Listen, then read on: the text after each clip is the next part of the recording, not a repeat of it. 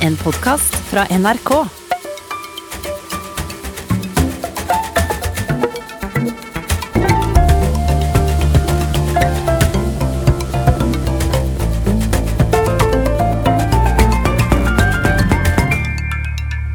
Henrik Fugt, hjertelig velkommen hit til Tore Sagens podkast. Tusen takk. Du er lege og jobber som forsker ved Senter for medisinsk etikk ved Universitetet i Oslo. Um, og så er du også utdanna og har jobbet som journalist, er det også riktig? Det stemmer. Herregud, så mye du har fått til på så kort tid. Jeg er kanskje eldre enn du tror. Ja, Hvor gammel er du? 43. Er du fortsatt medlem av Yngre legers forening? Jeg tror man kan være veldig lenge. Å ja, så det er ikke noe øvre aldersgrense. Jeg syns alltid det har vært så gåtefullt, dette Yngre legers forening. Jeg er ikke helt sikker på det, men eh, det er sett mye eldre leger der. Er det sant? Ja, litt uh, Ganske relativt middelaldrende, iallfall. Nettopp, ja. Så det er ikke noe Men jeg synes det er rart, for nesten ingen andre yrkesgrupper som har en egen eh, prikk, prikk, prikk eh. Nei. Eh, Det er Yngre drosjesjåførers forening og sånne ting. Nei, jeg vet det. Det er fordi de eldre ikke tar vare på de yngre. Ja, det må være det, men det virker som også det å være en eldre lege eh, Da vil man helst ikke befatte seg med yngre leger. Det er en egen De er ikke, de er ikke battle hardened ennå. Nei, det er et eller annet er det. Um, um, jo, jeg har jo invitert deg hit fordi veldig mye av den informasjonen vi får om korona, er jo litt sånn bearbeidet av eh, klikkhungrige og hardt vinklede tabloider. Og derfor tenkte jeg at det kunne vært fint eh, å lage en podkast der man liksom supplerer dette med litt mer nedpå samtale og refleksjon. Og det burde være rett ned din gate med tanke på hva du driver med på Blindern. Ja, nå har jeg forsøkt Mitt prosjekt handler ikke om korona spesifikt, men, men jeg har gjennom pandemien måttet gjort det til et tema. Eh, litt fordi jeg tenker det er en stor hendelse i medisinens historie, eh, som jo har dominert siste året helt. Eh, og det er jo viktig med folkeopplysning, og jeg tror at liksom jeg har en, en bakgrunn som gjør at jeg i hvert fall kan mm, bidra litt til det, da. Ja, og du har jo da din personlige Facebook-side har jo under hele koronapandemien fungert som et slags sånn sobert og vitenskapelig ankerfeste, der man har kunnet studere og diskutere forskning og forskningsartikler som du har lagt ut, knytta da til eh, covid. Eh, og alt for, har foregått på et ganske seriøst nivå, i hvert fall i utgangspunktet.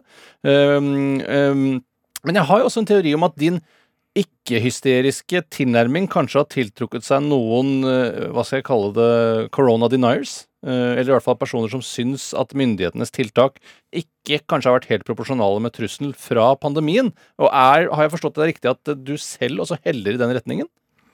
Um, nei. Jeg, jeg er heller ikke i den retningen. Altså, jeg har jo tatt en Jeg har jo tatt en um, posisjon der jeg har unngått å si noe tydelig om, om tiltak, stort sett. Eh, fordi jeg har tenkt at det I i begynnelsen så var det fordi jeg var i pappaperm og gjorde dette mens jeg skiftet bleier og sånn. Ja. Eh, fram til 1. april i fjor. Eh, så da tenkte jeg at kanskje jeg skal legge det litt nedpå og ikke mene så mye. Ja. Eh, men etter hvert så ble det også en Jeg tenkte det var en, en, en litt lur måte å gjøre det, for da ikke knytte seg til en sånn spesifikk posisjon i liksom smittevernpolitikken. Fordi da blir man ofte fort bundet til å mene noe om grunnlagsproblemene under, som ligger under også, Ja. i en eller annen retning. Men men jeg, jeg, jeg vil ikke si at jeg er så veldig mot tiltakene, eller, eller eh, sånn som det har blitt. Nei. Det vil jeg ikke si. Um, um, Men du har, vært, du har vært opptatt av å sette ting i perspektiv, for nå er det, om det var i går eller noe, eh, så la du jo da ut en post som, hvor du viste til at nå er det omtrent like mange som har dødd av eh, covid-19 i USA, som dør av røyking Mm. årlig. Eh, Ja. Og det er jo et perspektiv som på en måte kan sånn lede på en måte i retning av at man tenker at Eller for å sette det i perspektiv Ja, ja. Jeg, jeg, jeg ser den. Altså, og det, det har vært litt Det er nok litt noe som ligger meg nært, da, å, å forsøke i en situasjon å være den som sier noe som ikke sies, eller forsøke å bringe ting i balanse. Så spesielt i starten så opplevde jeg at det var en, en fryktskaping som trengte en slags form for moderering, da, spesielt når det gjaldt- overslag om dødelighet og, og sånn. Eh, Så jeg forsøker ofte å si noe kanskje som ikke sies. Um, det kan også slå i en annen retning, eh, hvis, hvis det er dominerende. Eh, Men Eh, men jeg Sånn rent smittevernmessig så tenker jeg vi har overordnet har klart oss ganske bra. Det må Ja. man kunne si. Ja, men jeg merka jo også selv at i starten av pandemien, eller når man liksom ante konturene av noe, så var det på en måte to leire det var mulig å tilhøre, og det var én som bare avfeide det, sånn, som jo mange gjorde og fikk kritikk for, sånn som eh, Wasim Sahid sa jo at dette her vil være glemt i begynnelsen av mars, en uttalelse han angrer ganske mye på i ettertid, har jeg skjønt. Og jeg også følte at Jeg er også en sånn der unevrotisk type som tenkte at sånn Hvordan kan vi vite at dette skal gå så gærent? Og jeg la også ut en tilsvarende post som det du gjorde på et tidligere tidspunkt, hvor eh, det var da Vi passerte eh, det dødstallet på verdensbasis eh, med hvor mange som døde i trafikken i India årlig. Mm. Og det er jo et interessant perspektiv som det kanskje kan være nyttig å se på når man liksom skal se dette her, i hvert fall i ettertid. Ja, jeg, jeg tenker at dis, disse tingene er viktig å hele tiden holde oppe gjennom en sånn fase. Uten at det skal gå over i bagatellisering og sånn, men, men i en sånn fase der fryktskapingen åpenbart er massiv, da, eh, og eh, faren for å kaste viktige prinsipper og sånn er eh, kan lett gå over bord, så så tenker jeg disse perspektivene er viktig å holde hele tiden. Men ikke gå over i en covid denialism, som du kaller det. Det er heller ikke viktig. Nei. Altså unngå. Men du, så, så du syns at eh, norske myndigheter sånn totalt sett har taklet pandemien på en god måte? Totalt sett vil jeg si det. Ja, okay. Altså, jeg er ikke så kontrær. Nei. Um, jeg mener, vi, vi, vi må ta to skritt tilbake og si at ok, vi Vi bor jo tross alt i et land med relativt god em, demokratisk eh, struktur, og, og vi har mye kunnskapsbasert eh, Vi har høy tillit til, til både altså, mellom politikere og befolkning og sånn. Eh, og vi har holdt dødstallene lave med relativt, altså i forhold til andre land, benigne Mm. grad av tiltak, så jeg tror jo at vi har klart oss godt. Men det betyr ikke at det ikke i etterkant vil komme en form for oppvask eller, eller en diskusjon når vi ser ting litt i, i, i, i speilet. Hva tror du den i all hovedsak kommer til å dreie seg om, da? Nei, den kommer jo til å dreie seg om, om tiltak var proporsjonale, om det var ting som vi kastet over bord av prinsipper, eh, og eh, om det var noen grupper som ble rammet for hardt. Vi har jo allerede hatt de diskusjonene litt. Um, to som kommer til meg nå med, med en gang, er jo barn, og mm. for eksempel psykiatriske pasienter. Jeg opplevde jo selv at som lege, da, jeg jobber jo 50% som allmennlege, så, så var det påtagelig hvordan en del rus- og psykiatripasienter mistet tilbudene sine i den fasen. Ja. Ah, Så sånne ting vil vi jo diskutere.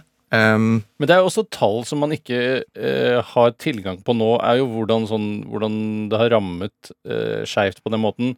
Men det er også på en måte uh, heller da Man kan jo si at det, det har vært et problem for barn som har problemer At de er, når de er på skolen, så får de en viss trygghet. Eh, og nå må de være hjemme hele tiden, da det var hjemmeskole sånn på starten av året. Men man vet jo heller ikke om det førte noe negativt med seg. Eh, Men man må kanskje også gjøre opp regnskap for alle de tingene når man skal evaluere dette. Tenk hvis det liksom gikk, gikk bedre, men eller er det ikke noe sannsynlighet for at det gjorde det? Um, ja, jeg, jeg har ikke gått i detalj i de, det som handler om eh, konsekvensene for barn. Og for det første så har du helt rett i at det er utrolig mange ting her som er ukjent. Eh, mange faktorer som jeg kanskje aldri vil helt få, få svar på. Det er mange faktorer som ikke er mulig å tallfeste. Hvordan tallfester du ting i kulturlivet, eksempel? Hvis et symfoniorkester som har holdt på i 200 år, ikke holder på lenger, hva, hva koster det? Mm. Um, men når det gjelder barn, da, så så eh, er vel mitt tydelige inntrykk at det har gått utover spesielt de sårbare barna. Eh, helt uoffisielt så hørte jeg via en lege som jobber på en av de største sykehusene i Oslo eh, forleden, at, at eh, antallet selvmordsforsøk hos barn og unge hadde gått opp Ja. i denne fasen. Mye, Eh, det hadde gått mye opp? Betraktelig. Men ikke Altså, jeg, jeg har ikke det eksakte tallet, og, og dette må tas med en liten klype salt, men, men jeg tror at det har gått utover de som er sårbare, Om og at man ikke skal svartmale hva som skjer med de mer robuste. Men tenker du at øh, nå i ettertid, hvis det kan kalles ettertid allerede, øh, i hvert fall ettertid av det vi har det siste året, da, eh, at barns, hvordan man behandlet barn skulle vært gjort på en annen måte? Ja, altså Folkehelseinstituttet har jo nylig vært ganske tydelig på det. At eh, skolestengninger og eh, en del av tiltakene har vært eh, ikke, ikke forholdsmessige. og har gått utover ja, nettopp igjen de, de, svakeste, da. Ja. Så det har jo Folkehelseinstituttet vært ganske tydelig på. hele veien. Ja, for de ville jo ikke stenge veien. skolene i starten, eller? eller i, I mars og april, så vidt jeg husker. Nei, de ville ikke det. Det var også mitt inntrykk. Um, I hvert fall holdt de godt igjen. Det er Helsedirektoratet som har hele tiden vært litt mer på tiltak. Um, ivret mer for det. Ja. Um, så barns, eh, barns um, posisjon har vært er liksom Det vil være en ting som diskuteres. Barn og unges posisjon vil være noe som diskuteres i lang tid. Også fordi denne pandemien kan jo sette ganske store historiske avtrykk. Ikke minst når det gjelder økonomi, og hvilken posisjon ulike generasjoner har. Um, husker jeg tidligere i pandemien leste en sak i en engelsk avis, jeg husker ikke helt hvor, men liksom veldig tydelig hvordan den unge generasjonen i, i England, da, men også sikkert i andre land, um, har en bevissthet rundt hvordan dette rammer dem mer enn den generasjonen som da er mest utsatt. Så det er et generasjonsaspekt i pandemien som ikke har vært snakket så mye om. Altså, vi gjør jo tiltakene i veldig stor grad for dem over 60 år. Mm. Um, 50 år i hvert fall. 50-60. Mm. Og så enda mer oppover. Mens det er sannsynligvis ikke ville vært like stor grad av tiltak hvis det hadde vært en befolkning som hadde dødeligheten til de som er under 50, da. Um, og med- der den generasjonen jo, som er unge i 20-årene spesielt, da, kanskje i lang tid vil slite med eh, arbeidsløshet. Altså Mm. ganske heavy eh, konsekvenser. Og kanskje det blir en diskusjon vi kommer til å ha i årene som kommer. Hvordan skal det, det regnskapet gjøres opp, da? Mm. Den ene, den ene gruppen har jo øh, gjort en innsats for den andre, hvis man skal se på det. Det er jo viktig å bevare solidaritetstanken, men like fullt så er det, det er det grupper som har ofret noe for Eller gjort en innsats for, for en eldre gruppe. Hadde da den løsningen med å eh, da i all hovedsak da eh, isolere risikogruppa og eldre, hadde det vært en farbar vei?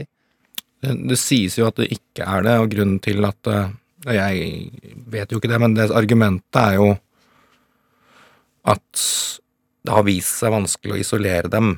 Ja. Altså de, de, man må inn til dem, spesielt de aller mest sårbare. Trenger jo pleie og Altså, i de tilfellene der det har vært store smittebølger, betydelig høy, høy grad av smitte som jo kommer til hvis man slipper opp på et eller annet tidspunkt, så er det vanskelig Mm. å, å, å beskytte dem. Og det er den store I hvert fall én stor svakhet med tanken rundt den Great Barrington Declaration som gikk inn for det, da. Ja, Hva er Great Barrington Declaration? La oss eh, gå inn litt på det. Ja, det, den kom jo Var det i høst? Eh, Det var eh, Det var en gruppe vitenskapspersoner som Som eh, lagde en et, en, et skriv med et fancy navn, altså Great Barrington Declaration. Veldig flott. Hva er det for slags Det eh, er vel sted, tror jeg, Ja. i England. Vi møtes De møttes og underskrev det, kanskje? Ja, nettopp. Ja. Um, uh, der de gikk inn for en, en, en strategi der man forsøkte å beskytte de som var mest sårbare, mens de andre uh, da lot seg smitte, eller at man slapp på tiltakene og lot eh, epidemien gå gjennom de gruppene. Ja. Og at man da skulle oppnå flokkimmunitet, som det heter, Mm. som er da, uansett hvordan man snur og vender på det, veien ut, enten gjennom infeksjon eller gjennom vaksine. Um, og da de, denne strategien da pekte på og at man kunne gjøre det gjennom infeksjon. da. Det ble jo veldig kontroversielt. Ja, var, men var det kredible folk eh, som sto bak dette? Jeg kjenner dem ikke sånn Nei. i detalj, men eh, de hadde være gode CV-er, liksom. Ja, de hadde ja. Men det kan man jo finne for ethvert synspunkt her Ja, i sånn som det, eh, jeg føler at det, Jeg ble sånn redd for at det skulle være en type sånn gjeng som den, de der klimafornekterne, som også er sånn vitenskapsfolk som har signert, som, som Carl I. Hagen alltid lener seg på når han skal vise den motsatte siden i klimakampen. Mm. Eh, Men det er kanskje ikke helt på det nivået. Ikke helt, men det kan jo være sånne tendenser. Altså Man kan uansett finne vitenskapsfolk og professorer som, som har et hvert ståsted, som jeg sa. Mm. Så, eh, men jeg hadde inntrykk av at altså, i klimasammenheng så er det ofte en som ikke har som ikke eh, jobber med klima i det hele tatt. Ja, det er er kjemiker eller noe sånt. Ja, det er så, det. og så er han professor eller hun. Samfunnsgeograf eller noe sånt. Ja, ikke sant? Mens her, så, i Great Barrington Declaration, så virket det som det var i hvert fall noen epidemiologer og, som egentlig skulle ha kompetanse på det. Ja. Um, Står de på sitt, eh, denne gjengen, eller har, du- har du noe inntrykk av det? Jeg har inntrykk av det. Ja. At de står på sitt. Det kom jo et motsvar da, som het uh, Hva het nå det igjen? John Snow Memorandum. Ja. Johns basert på han der som fant opp eh, hvor, hvor smitten kom fra. Ideologiens far, nærmest. Er Eller altså Ja, eller han var i hvert fall en tidlig person til å, til å i epidemiologifaget, og eh, en, han som han som eh, gjorde en undersøkelse på kolera i London. Ja. Fant ut, eh, fant ut hvor den kom fra, og satte inn tiltak der. Ja. Det er ikke han fra Game of Thrones. Det er ikke, er ikke det er ikke John Snow fra Game of Thrones. Man må ikke glemme at Game of Thrones er en annen verden. Dette er, dette er en helt annen verden, men det er John Det er John Snow med H, da. Det er det som er oh, ja. forskjellen. ja, nettopp, ja. Det er ikke sånn Mm. i det hele tatt. Uh, er det noen andre land uh, nå, Jeg spør bare alt jeg lurer på, jeg, i håp om at du vet det. Men er det noen andre land som har gått i, i mer den type retning? Uh, ved å isolere risikogrupper og eldre? Tja Det er ikke som har gått liksom veldig systematisk for en sånn strategi, er ikke mitt inntrykk. Nei. At det, som man har liksom finpusset den strategien og, og liksom eh, gjennomført det på best mulig måte. Men det er jo en god del land som har endt i en situasjon eh, der det til syvende og sist har blitt eh, en sånn utvikling. Mm. Eh, Det første eksempelet mitt blir jo India, tror jeg, som jeg kommer på. Ja. De hadde jo en stor bølge utover sommeren, og så begynte jo smittetallene å falle fra, fra september, tror jeg. Ja. Og det er jo en flokkimmunitetutvikling Altså eh, gjennom smitte? gjennom smitte. Så det, og der hvor det er så mange folk òg? Ja, ja, det er Hva er dødstallene i India, da? Hvordan gikk det, har det gått der? Så? Ja, hvordan er det igjen? Det er jo, det er jo en lav dødelighet Er det det der? fordi det er en, eh, en relativt lav dødelighet, da. Fordi det er en ung befolkning. Ja. Um, så når jeg sier flokkimmunitet, så er det ikke sånn at det har vært flokkimmunitet, i hele befolkningen. For det jo, altså India er jo et, et veldig ruralt land, altså et, et land der mange bor på landsbygda. Og der vil jo epidemien gå saktere. Ja. Uh, mens den flokkimmuniteten Altså først så har nok bølgen da i stor grad uh, gått gjennom byene og slummene. Og det er der det først og fremst har kommet til en flokkimmunitet da, som gjør at den kurven går nedover. Det betyr ikke at det er store, ikke er store deler av den indiske befolkning som fortsatt er mulig å smitte. Men den grafen går nedover, gikk, gikk nedover fra da. Ja. Um, så, så kan jo det snu med nye varianter og Ja. alt det der, da. Men, eh, men det, var hvert fall, det er iallfall et eksempel på det. Og India kom til et punkt der de liksom sa at dette her får vi ikke til. Vi kan ikke leve med disse tiltaks, den tiltaksbyrden, og store deler av befolkningen var ikke i stand til det. Nei. At de har andre prioriteringer. Um, så da ble det en, en, en strategi som ligner på det, Ja. uten at de skjermet de gamle veldig sånn aktivt, eller noe sånt, sånn som den deklarasjonen sa, men, men, eh, men i hvert fall en mer sånn bremsstrategi, som egentlig var et veldig mye tydeligere alternativ i starten. Ja.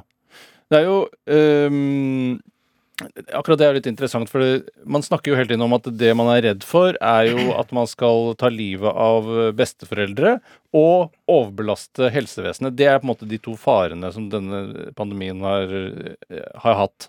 Um, og så er jeg opptatt av, for det, uh, man snakker jo om liksom Når er det eh, helsevesenet kneler, og man hører jo om fra utlandet sånn ja, nå, i, der i Belgia har helsevesenet knelt, eh, og i England har det også vært tett på, eh, så vidt jeg har forstått. Eh, Men eh, hvor er det liksom hvem er, det- Hvordan vet man hvor man skal legge seg? Sånn i forhold, For nå ligger vi jo veldig lavt i forhold til hva kapasiteten til helsevesenet vårt egentlig er. Ja, hvor man skal legge seg i smittenivå. Ja, eller for man har hele tiden snakket om det derre Man skal slå ned først, og så skal man er det, Hva heter det? Hammer and dance, eller noe sånt? Mm. Uh, da, men denne det har vært litt lite dancing, syns jeg. Uh, det er på en måte ikke den oppslippingen, bortsett fra det som da skjedde på sommeren og høsten, så har det vært lite oppslipping. Um, Kunne man liksom ha åpna litt mer, eller vært litt mer eh, hands on hver gang? altså, det som er eh, Cruxet er at hvis du Altså, hvis du slår ned, så må du da holde R-tallet, som det heter, altså smittetallet du, Hvis du får smitten ned på et lavt nivå, og så klarer å holde det der, er jo, er jo det som er Det er jo det ideelle. Det er mye bedre å holde ting på et visst nivå um, hvis, er, hvis smitten er lav, enn å holde det på et høyt nivå. Du, du trenger de samme måte, gradene av tiltak for å holde det på et høyt nivå, Ja. stabilt, som du trenger for å holde det på et lavt nivå. Kanskje mindre tiltak til og med for å holde det på et lavt nivå når det er lavt, for da har du mer oversikt. Så, eh, så det ideelle nivået altså, vil jo være å egentlig holde det på dansenivå lavt, da. Nei, dansegulvet. ja. Så, eh, men, men spørsmålet er jo hva det krever av tiltak. Mm. Og politikerne vil jo hele tiden være fristet til å, til å slippe litt opp. Mm. Det var jo det som skjedde i Norge. Man slapp litt opp, og så fikk man denne jule... Altså bølgene opp utover vinteren. Sånn at sånn ideelt sett, hvis man først har valgt det å holde det nede som strategi, at, og ikke ønsker at det skal komme en bølge der som går gjennom hele befolkningen, så er det Så, så, så bør man kanskje ta det helt ut og holde det på et lavt nivå. Det er, det, og det er inntrykket mitt at og det er det myndighetene har ønsket da, Ja. i Norge. Men, men man har likevel fått, fått en vekst. Ja, for man fikk jo liksom inntrykk at oi, det ble jo litt sånn eh, Hammer and Dance-aktig i høst, men så måtte vi bare gi opp det uh, dance-greiene, litt da nye mutasjoner og sånne ting. Jeg hadde ikke Nei, jeg, hadde ikke, jeg har ikke helt Jeg har ikke full oversikt over disse tingene. Det er andre som kan mer om det enn meg, men hva som var liksom årsaken til at vi fikk den bølgen. Men det er jo liksom det med importsmitte har jo vært diskutert, at man har åpnet opp for arbeidere fra, fra utlandet, blant annet. Så det var, jo, det var jo bare det at tiltakene i Når det kom til vinter, som man vet jo vet er når virusene trives best, Mm. så var ikke de tiltakene strenge nok til å holde det nede. Er du litt overraska over at eh, befolkningen generelt eh, har vært liksom så myndighetstro og enig i tiltakene som kommer fra myndighetene, selv om de har vært eh, relativt inngripende?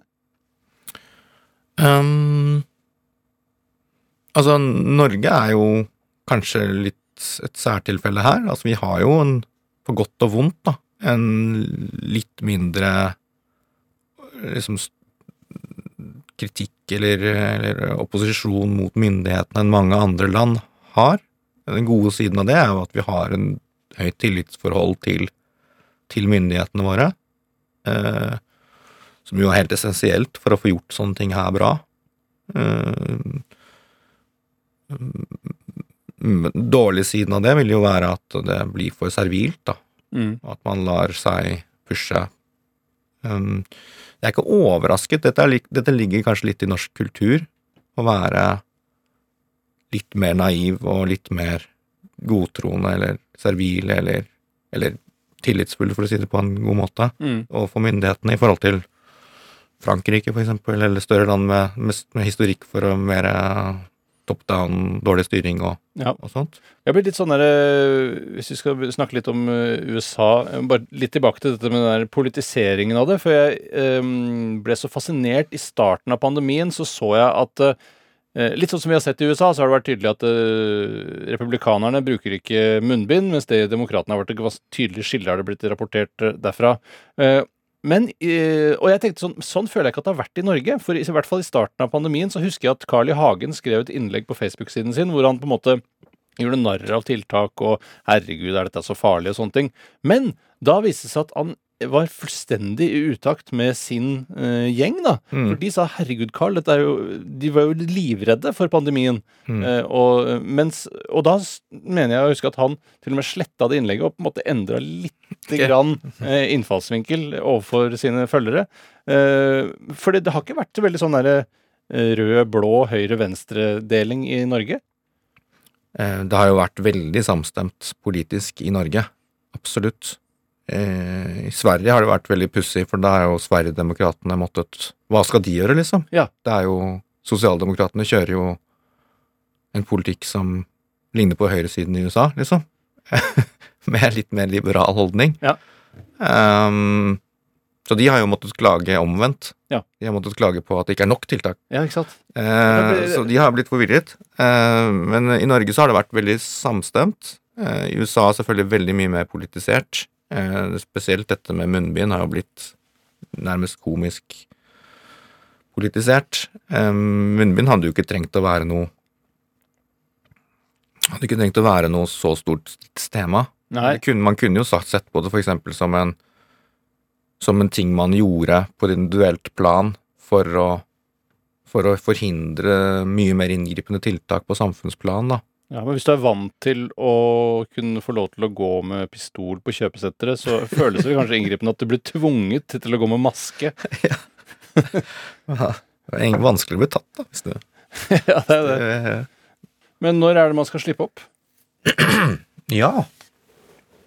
Det tenker jeg er en sånn diskusjon som nå koker innad i Folkehelseinstituttet og Helsedirektoratet og sånt. For det har ikke vært sånn at politikerne eller helsemyndighetene har vært veldig tydelige på det. Nei, de har ikke det. Det er jo folk som Dag Svanes, som er en informatiker på NTNU, som har vært en, en stemme i denne debatten, har jo etterlyst det flere ganger, blant annet. Altså en slags tydelighet i når er det, hva er det vi egentlig vil fremover nå? Når er det vi skal slippe opp? Skal vi slippe opp når vi har disk, uh, vaksinerte risikogruppene? Eh, skal vi slippe opp når øh, vi har vaksinert alle? Eh, skal vi slippe opp Altså, hva med disse variantene? Ikke sant? Så jeg tenker at fremover så vil jo den diskusjonen vi har hatt hele tiden med tiltak versus risiko for sykdom og død, vil settes veldig på spissen. Mm. Spesielt kanskje jeg tenker påsketider, når det blir litt varmere i været og, og sånt, så tenker jeg at mange vil forvente at nå skal det snart være over, og så kommer vi til å få en diskusjon ganske tydelig om hvor- lenge skal vi holde på med dette. Mm. Men hvorfor Eh. kan de ikke lage et estimat, da? akkurat som de har laget et best og worst case scenario for eh, forløpet fram til eh, hele landet er vaksinert? Mm. eh, burde jo kunne lage noe tilsvarende med tiltaket nå? Jo, og det tror jeg de jobber med nå. Nettopp. Det er det de holder på med. Klarer seg i hodet på. Ja. Eh, det, er ikke, det er ikke lett, men jeg gjorde noen skriverier i, i, i går eh, i forbindelse med dette, og um, Hvis du lar Altså, hvis du slipper opp når alle under eh, over, Altså, hvis du vaksinerer alle over 60, da eh, eller 50, alle over 50, Mm. som er kanskje 40 av befolkningen. og Sånt. Altså, størrelsesorden, det er flere under, under 50 enn enn over 50. Ja. Ehm, og de risikosonene, som man kaller det, Um, også under, under 50. Og lar, og la, du få, hvis du slipper opp da fullstendig, så vil du fortsatt få en sannsynligvis en ganske stor bølge av det viruset. Mm. Såpass smittsomt er det. Og du vil ikke ha mer enn kanskje ja, en halvparten av befolkningen her kan være vaksinert, da. Det vil bremse det ganske betydelig, men det vil fortsatt være potensialet for videre smitte, Mm. Kan man tenke. Men det vil ikke bli veldig mange dødsfall i den befolkningen fordi, fordi, fordi eh, dødeligheten er lav. Du vil kanskje få en 100 dødsfall, eller en en størrelsesorden så mye, i, i hele den befolkningen under 50. Ja. Eh, og så spørsmålet blir da Dette blir jo da være friske unge mennesker Mm. som dør. Vil man da tolerere det? Det blir en diskusjon, da. Ja, for det er jo Det vanskelige er jo hvordan skal man f.eks. angripe da neste sesonginfluensa? Hvis man, nå vet jo hele verden hvor mange som dør sånn cirka hver gang det er sesonginfluensa, for det har man jo blitt ekspert på i løpet av koronapandemien. Og da er det sånn Hvis det er 600 mennesker som skal dø i Norge av sesonginfluensa, hvorfor skal man ikke gå inn med inngripende tiltak? Ja, Mot veldig, veldig interessant spørsmål hva man skal gjøre med det Ja. neste år. Hvis det skal være proporsjonalt, så skulle man jo tro at man ville skulle gå mye hardere til verks. Man har jo overhodet ikke skjermet sykehjemsbeboere for influensasyke pleiere i veldig stor Altså, sikkert gjort de som er decent, vil jo sikkert holde seg litt unna, men man har jo ikke hatt noen sånn eksplisitte tiltak med, for å skjerme folk på den måten vi har gjort nå.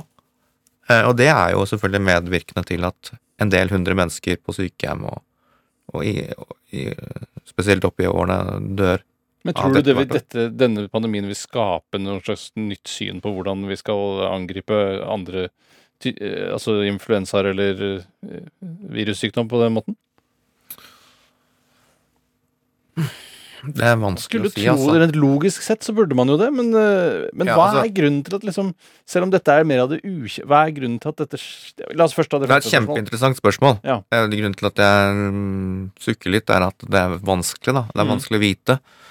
Altså For det første så tror jeg at, eh, at normaliteten har en ganske stor tyngdekraft. Altså at vi, Ja. vi vil bli overrasket over hvor fort vi går tilbake til ting. Og så blir spørsmålet hva er det som sitter igjen fra dette. Eh, jeg tror at uh, noe smitteverntype i, i, i eldreomsorg og sånt vil sitte igjen. Jeg tror noe vil sitte igjen på allmennlegekontor også, at vi blir At det sitter lenger innenfor for allmennlege å sitte med tunge influensasymptomer på jobb, liksom. ja, For det har jo skjedd. ja, ja. Allmennleger er jo ikke ja, det var De blir jo, er jo, går jo alltid på jobb. Liksom. Sånn var det bare før. Ja. Ja.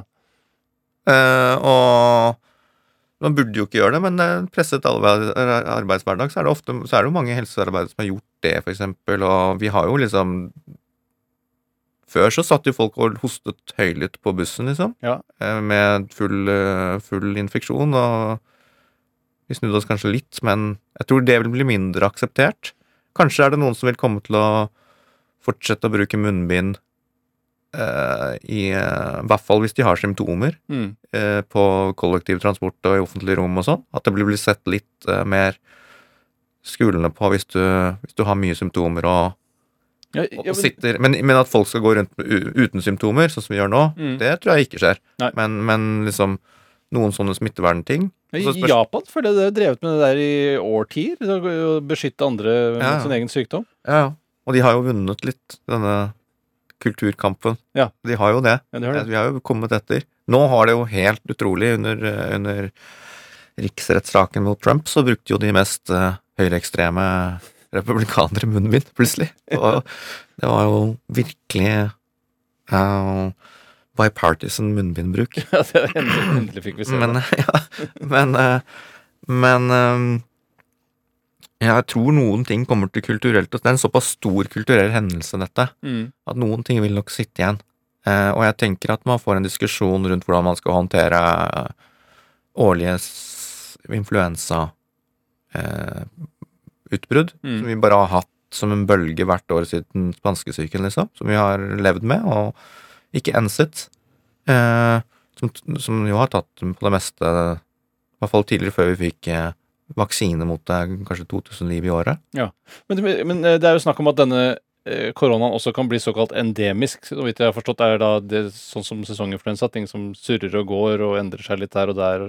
Ja, så epidemi betyr noe som feier over folket. Ja. Demos er jo folket. Ja. Epi er noe som går over, eh, som feier over, og i en periode endemisk betyr at det, det er i folket hele tiden. Ja. Eh, det, det er vel mest sannsynlig utfallet av denne, dette koronaviruset. Det vil gå inn som et av de koronavirusene vi har allerede. Som en forhåpentligvis ikke så veldig farlig ting, som vi har en betydelig immunitet i befolkningen av. Men sånn sett også da eh, kan det jo føre til en bevissthet rundt hva man skal gjøre ved neste sesonginfluensainnfall. I og med at koronaen har lurt seg inn der, så vet man jo litt hva den sto for en gang. Ja, altså Den har jo Sesonginfluensaen tar jo like mange liv hvert år som vi har Eller flere enn det som er dødd av korona i Norge til nå. Mm. Eh, selvfølgelig po- potensialet for, for koronaviruset ville vært mange ganger større hvis man hadde latt det gå på samme måte, men, men eh, jeg tror det vil bli et, noen flere smitteverntiltak, og jeg tror absolutt at det vil bli en sånn push for å utvikle mer sånn vaksiner som kan som vi kan ta med regelmessig Ja. regelmessig basis for å ikke bare ta influensa, men andre luftveisvirus, som koronavirus, eh, og andre vir luftveisvirus, fordi det har jo blitt en eh, økt bevissthet eh, at disse, disse mikrobene utgjør en betydelig samfunnsbyrde hvert år. Mm. Det er jo mye sykelighet og litt dødelighet som, som er forbundet med det. Eh, jeg tenker på dette her med, med langtidsvirkningen av å ha hatt eh, covid-19. Um, Ja. det Er ikke du litt opptatt av det? Veldig. Eh, såkalt long covid, er det, er det et fagbegrep, det? Long covid? Nei, egentlig så er det et dårlig begrep, fordi det impliserer at det er en langvarig covid-sykdom. Som egentlig gir et feil signal til folk. At det nødvendigvis handler om at viruset varer lenge, eller at det er skade ved kroppen som, som covid har forårsaket. Ja. Eh, Men det dreier seg jo egentlig om et slags post-covid-syndrom. Altså symptomer du har eh, etter, et, i etterkant av, av en covid-sykdom. Ja, Og det er jo veldig det, det forventet jeg veldig at skulle komme. Altså Det er jo en velkjent ting at man får symptomer etter virussykdom i medisinen. Men dette har jo blitt til en sånn eh, veldig, veldig stor greie som man, som man presenterer nærmest som en overraskelse. Uh, og noe man ikke kunne noe fra, fra før, liksom. Å ja, men det kunne man. Ja, ja, absolutt. Oh ja. Men hva, hva er dette her, da? Er? Men du blir ikke, det er ikke selve eh, koronaen som gjør deg syk, men du er hva, hvordan syk blir man i et post-koronasyndrom? Eh, Først må jeg si at dette er jo en stor diskusjon faglig, og jeg har jo engasjert meg og interessert meg for denne typen problematikk eh, over lang tid. Og da snakker man jo ofte om det som heter post... øh, altså øh, kronisk utmattelsessyndrom, Ja, eller ME, Ja.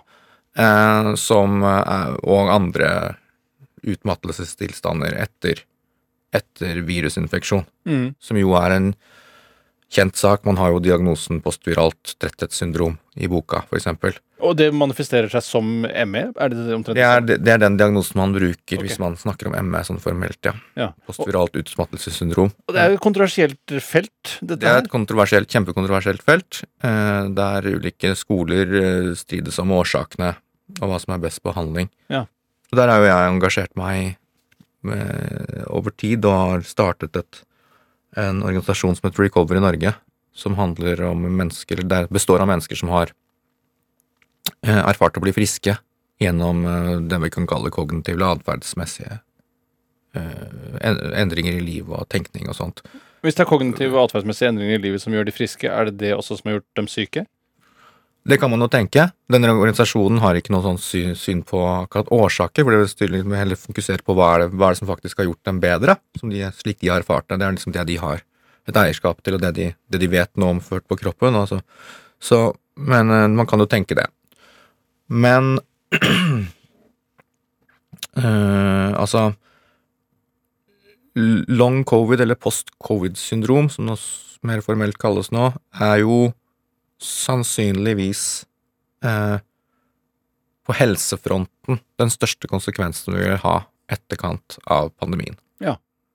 Altså, de døde er jo døde, og det er klart det er en del sorg og sånt rundt det, og tap, men jeg tror at den, de som vil være, har vedvarende helseproblemer i etterkant, vil være massivt over hele verden.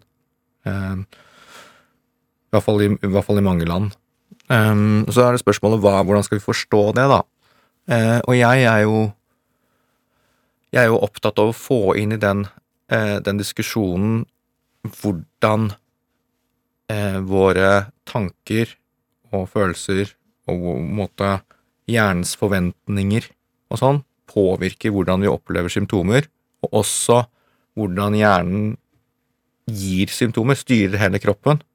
Gir altså stress eh, der og da, og vedvarende stress i etterkant kan gi symptomer i hele kroppen.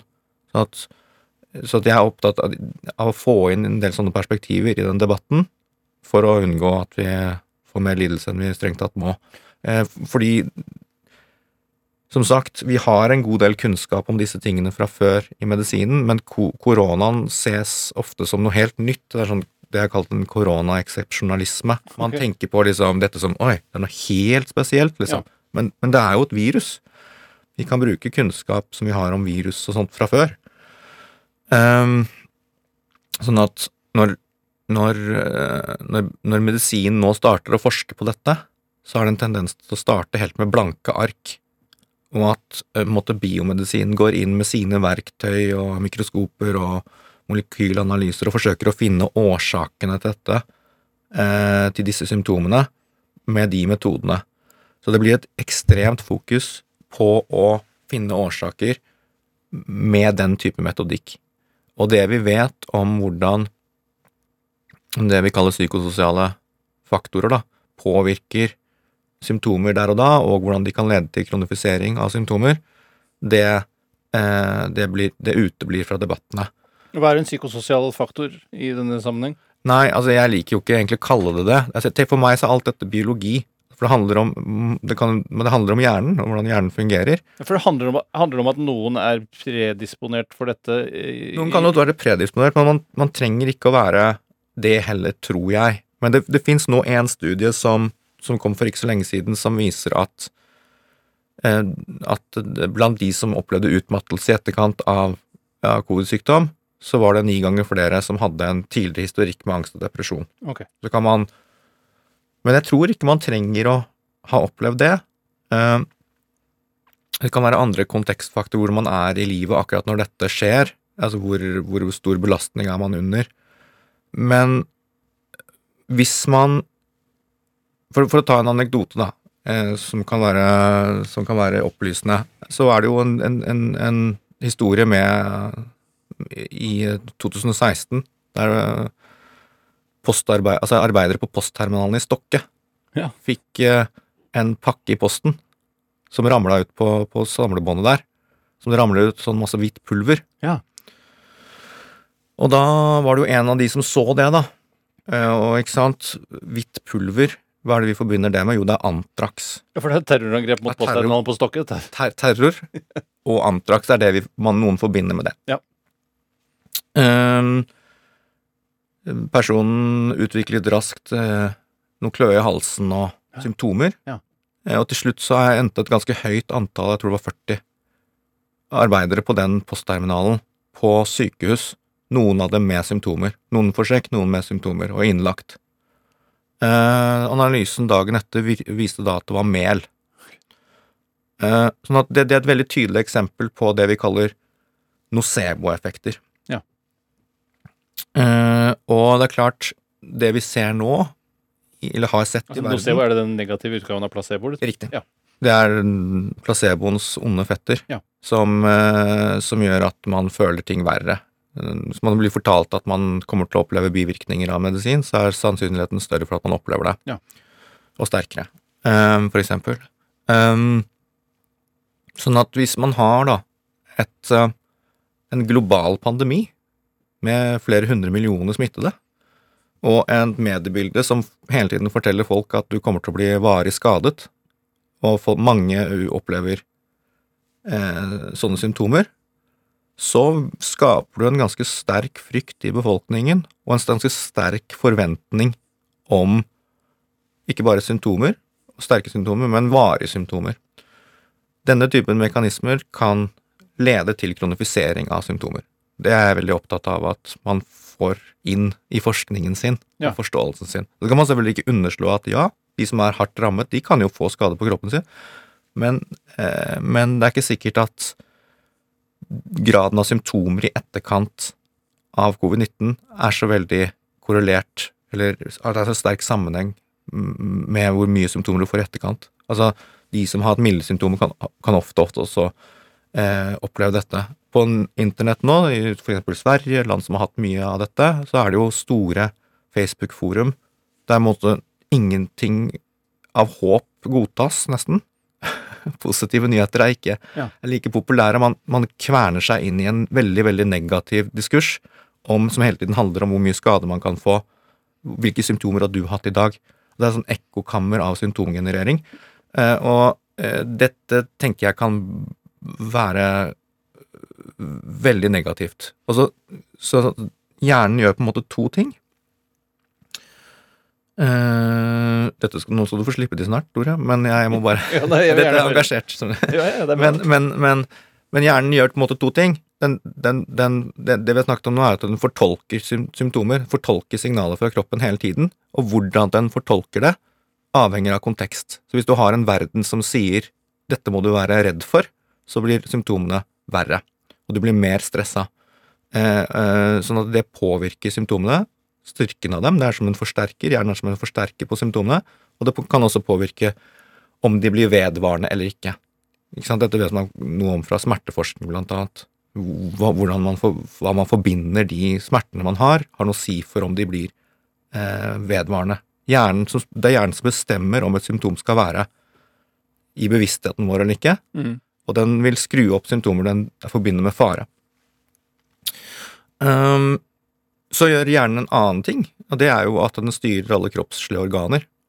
Så hvis du har en mer eller mindre ubevisst stressreaksjon, eh, eh, så vil du kunne få symptomer fra hele kroppen. Du vil kunne få hjertebank, du vil kunne få hudreaksjoner, du vil kunne få hodepine, eh, øresus,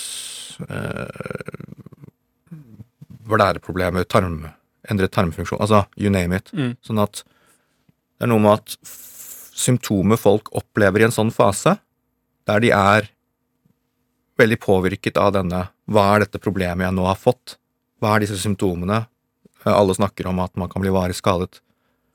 Så kan man også ha med seg at Og, og ikke minst at, at selve virusinfeksjonen er jo en stor stressår, en stor belastning på kroppen. Mm. Så kan symptomer i etterkant delvis forklares av hjernen. Hjernen er under stress, hjernen er, er i høygir, og skaper da ulike kroppslige reaksjoner. Er all sånn type utmattelsessykdom da et resultat av øh, altså traumatisk stress i etterkant av noe? Det er ikke selve sykdommen i seg selv, når det kommer til ME eksempel, eller, eller borreliose, eller hva what not?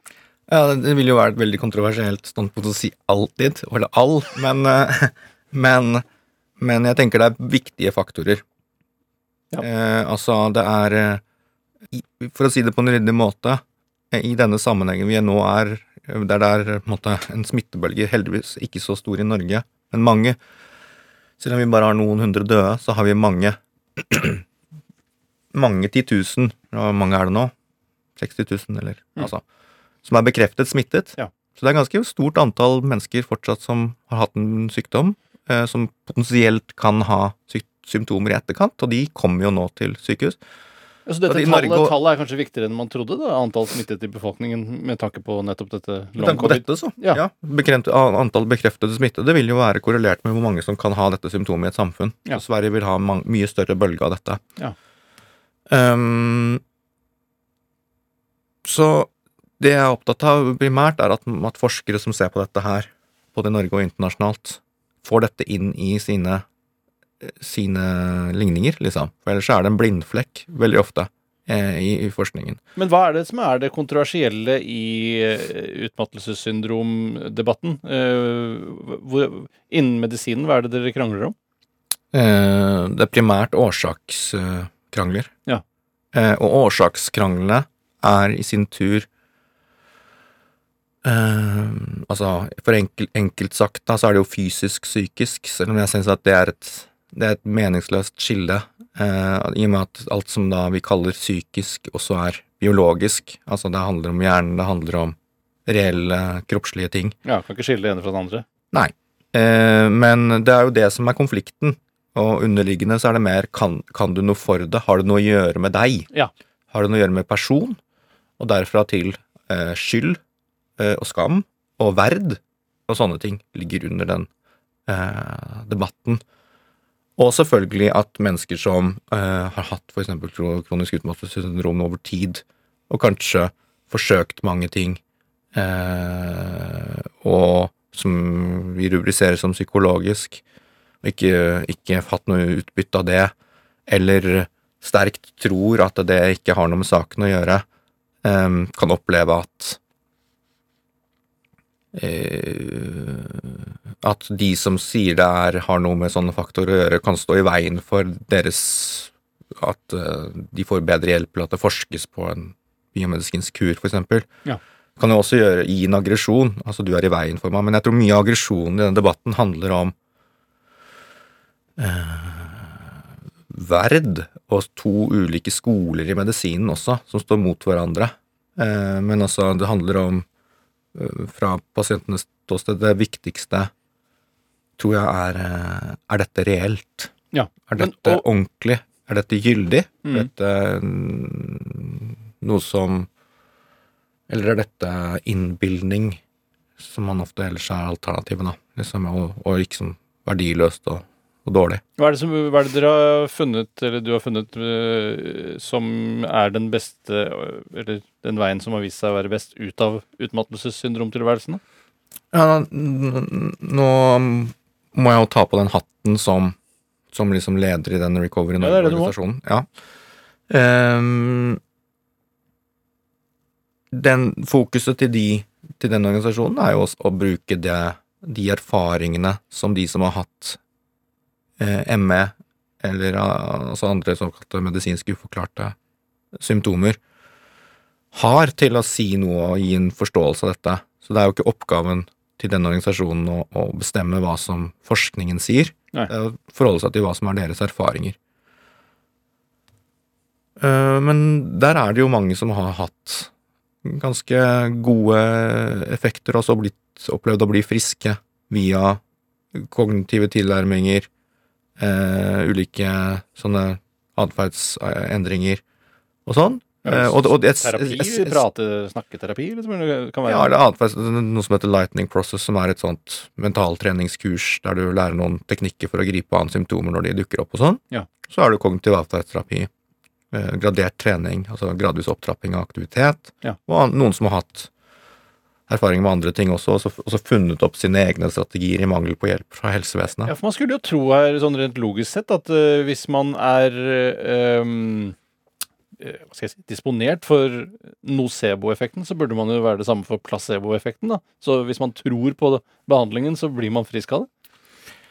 Jeg tror at Det vet jeg ikke helt, men, men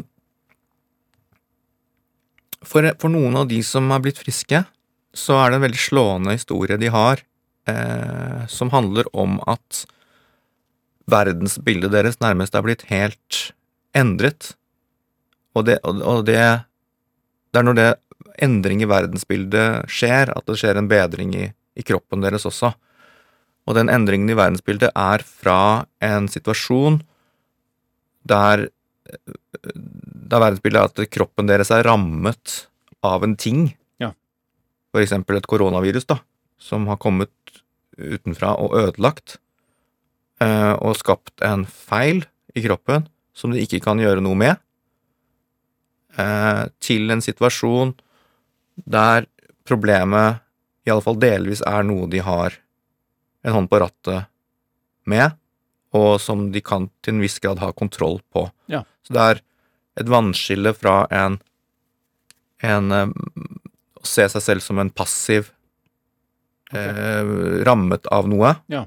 til en aktør som er litt mer i førersetet av egen situasjon. Ja. Og imellom der så er det jo en, en eller annen forståelse som endres. Og dette, er også, dette, dette tilsvarer også eh, to ulike syn på mennesket i medisinen. Og det, her ligger også noe av konflikten. Eh, der den ene er den biomedisinske forståelsen, såkalte biomedisinske modellen, der menneske, alle menneskers sykdommer kan reduseres til en eller annen Eller problemer kan reduseres til en eller annen defekt i kroppen. Mm. Eh, og der mennesket er en måte en maskin eh, uten noe følelser eller tanker, eller i hvert fall ikke noen agency, eller måte er ikke noen årsak i seg selv, i, i sitt eget liv. Det er på den ene siden. Så hvis du trår på det verdensbildet, og trenger at sykdommen din defineres innenfor det, så har du heller ikke noen hånd på rattet. Det Er, er det stor konsensus blant leger om dette synet?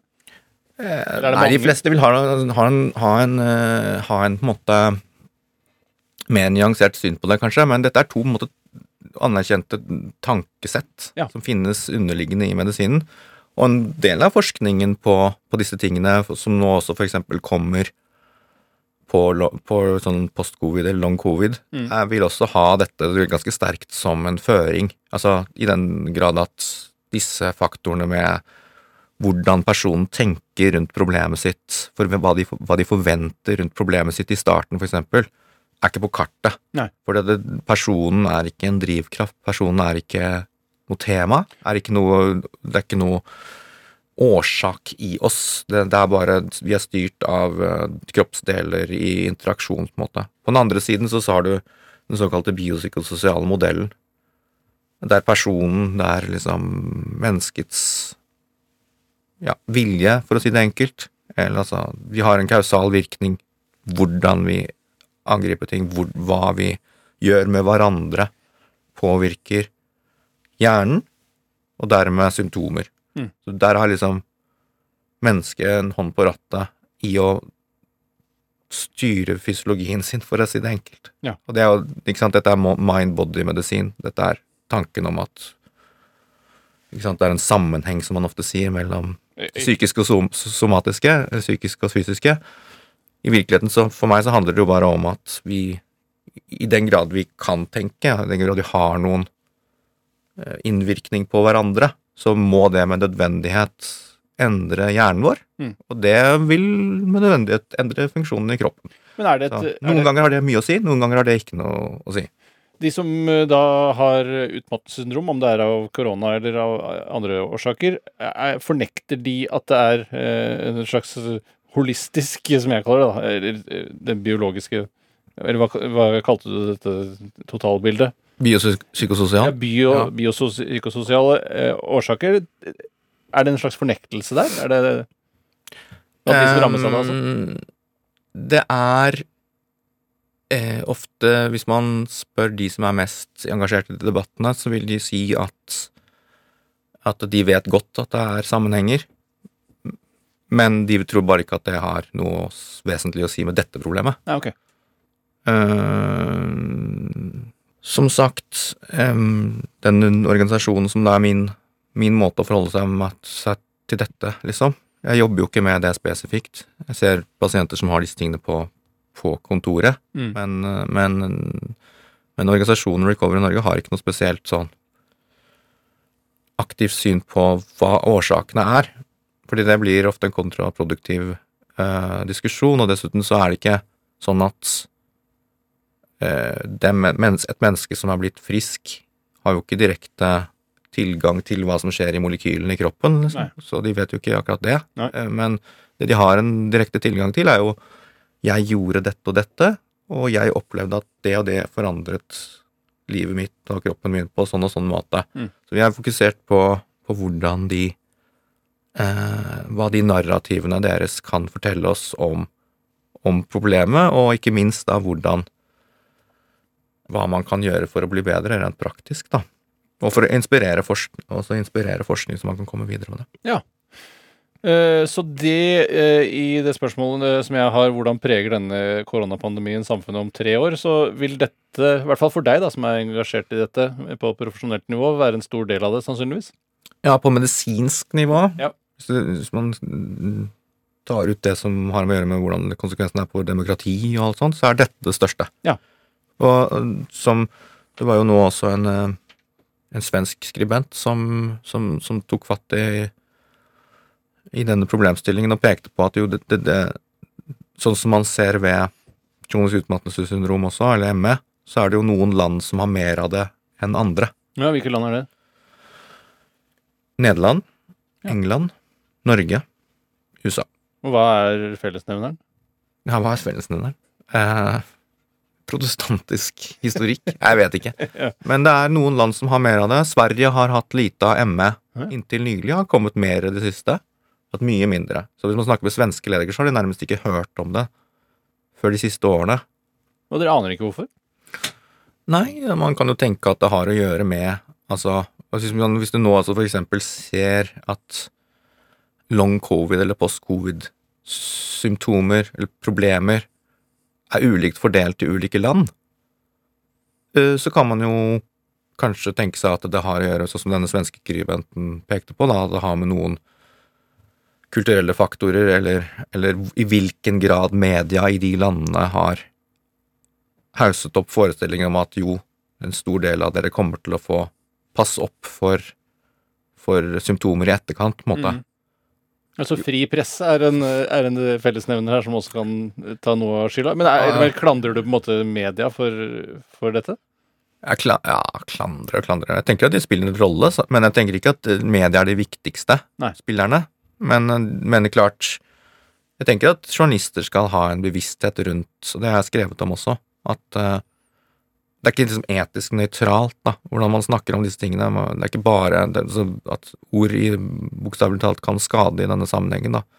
Og så tenker jeg sosiale medier er blitt mye større Mm. Er blitt eh, ekstremt viktig her. Som sagt, det fins Det fins ekkokamre for post-covid som jeg ikke ville anbefalt eh, noen av mine nærmeste med disse symptomene å bruke veldig mye tid på. Ja, Det er vel problemet med sosiale medier. Du kan finne en slags bekreftelse på et hvilket som helst bias, hvis du vil. Ja, og i denne sammenheng så er det ikke noe særlig etter mitt eh, syn, synspunkt noe særlig bra for rehabilitering, og det, det ser jeg igjen og igjen i historien til de som blir friske. Det er en nødvendighet for de å trekke seg ut av sånne forum for å bli friske. Ja. De driver en veldig sånn eh, negativ eh, fokus og, og ja, ikke veldig produktivt. Det er deres erfaring. Uh, Henrik, vi, før vi begynner på et nytt tema igjen, så jeg tror, jeg tror vi må eh, gi oss for denne gang. Men det har vært veldig hyggelig å ha deg på besøk, og jeg syns det har vært veldig interessant å særlig, særlig høre om dette long covid, som man jo nesten ikke leser noe om. som jo på den ene siden kan være bra, på den andre siden kan være dårlig. Men veldig stas at du kunne komme og lage litt perspektiv på hele koronasituasjonen. Hva tenker du om tiden fram til sommeren? Tror du du får vaksine snart? Om jeg får vaksine snart? ja. Ja, jeg kan røpe at jeg får den i kveld. Ai, er det sant? Herregud, for et eh, AstraZeneca får jeg. Og det er en todosers eller en endosers? Det er to doser. Herregud, så spennende. Ja, det er, det er jo i grunnen det. Ja. Fastlegene de vaksineres her om dagen. Eh, Henrik Vogt, det var veldig stas at du kom eh, hit i studio. Takk for eh, at du bringet inn nye perspektiver. Tusen takk for at vi kom med. Du har hørt en podkast fra NRK. Hør flere podkaster og din NRK-kanal i appen NRK Radio.